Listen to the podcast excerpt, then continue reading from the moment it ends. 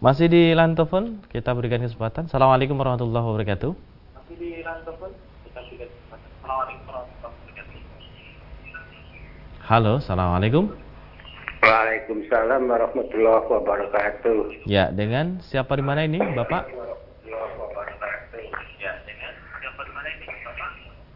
Pak Hadi di Palembang. Bapak? Pak Hadi. Pak Hadi, silakan Pak Hadi. Pak Hadi. Pak Haji, silakan Pak Haji Palembang. Assalamualaikum Ustaz, Mas Irwan. Haji. Waalaikumsalam warahmatullahi wabarakatuh. Monggo Pak Haji. Silakan Pak Haji. Pak Haji. Gini Ustaz, saya mau tanya masalah taruh.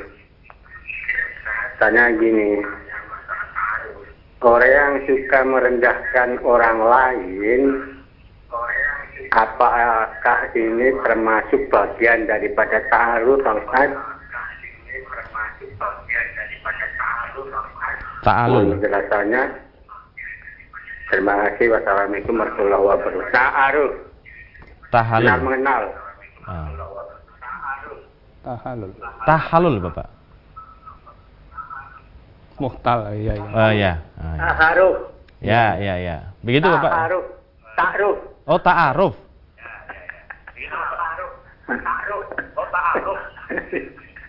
Kenal mengenal. Oh, pengenal mengenal. Oke, oke, oke, oke. Oke, begitu.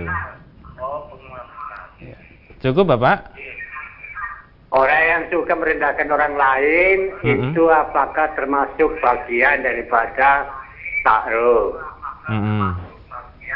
Bagian dari ta'aruf, J. Terima kasih. J, Bapak. Jadi Pak Pak Haji ya tadi ya. Oh, J, Pak Haji Palembang. Silakan. Ya, Pak Haji ya. Jadi ta'aruf itu gini Bapak ya. Kalau dalam Al-Quran kita diajarkan Ya ayuhan nasu inna khalaqnak min dzakari wal unsa wa su'uba wa qabaila lita'arafu lita'arafu begitu ya.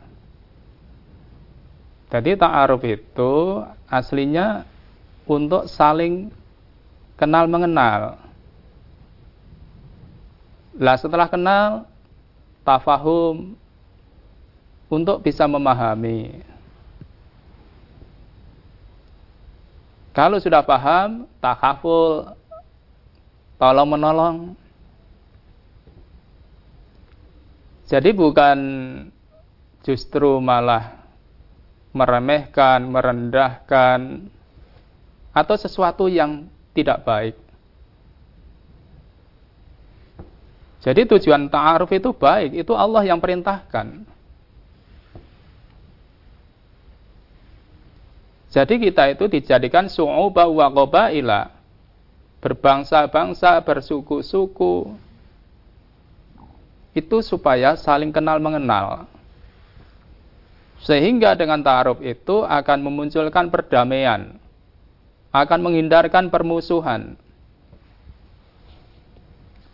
Itu tujuannya. Maka kalau ta'aruf itu pasti lanjutannya tafahum. Karena ta'arofa ya ta'arofu itu saling. A mengenal B, B mengenal A.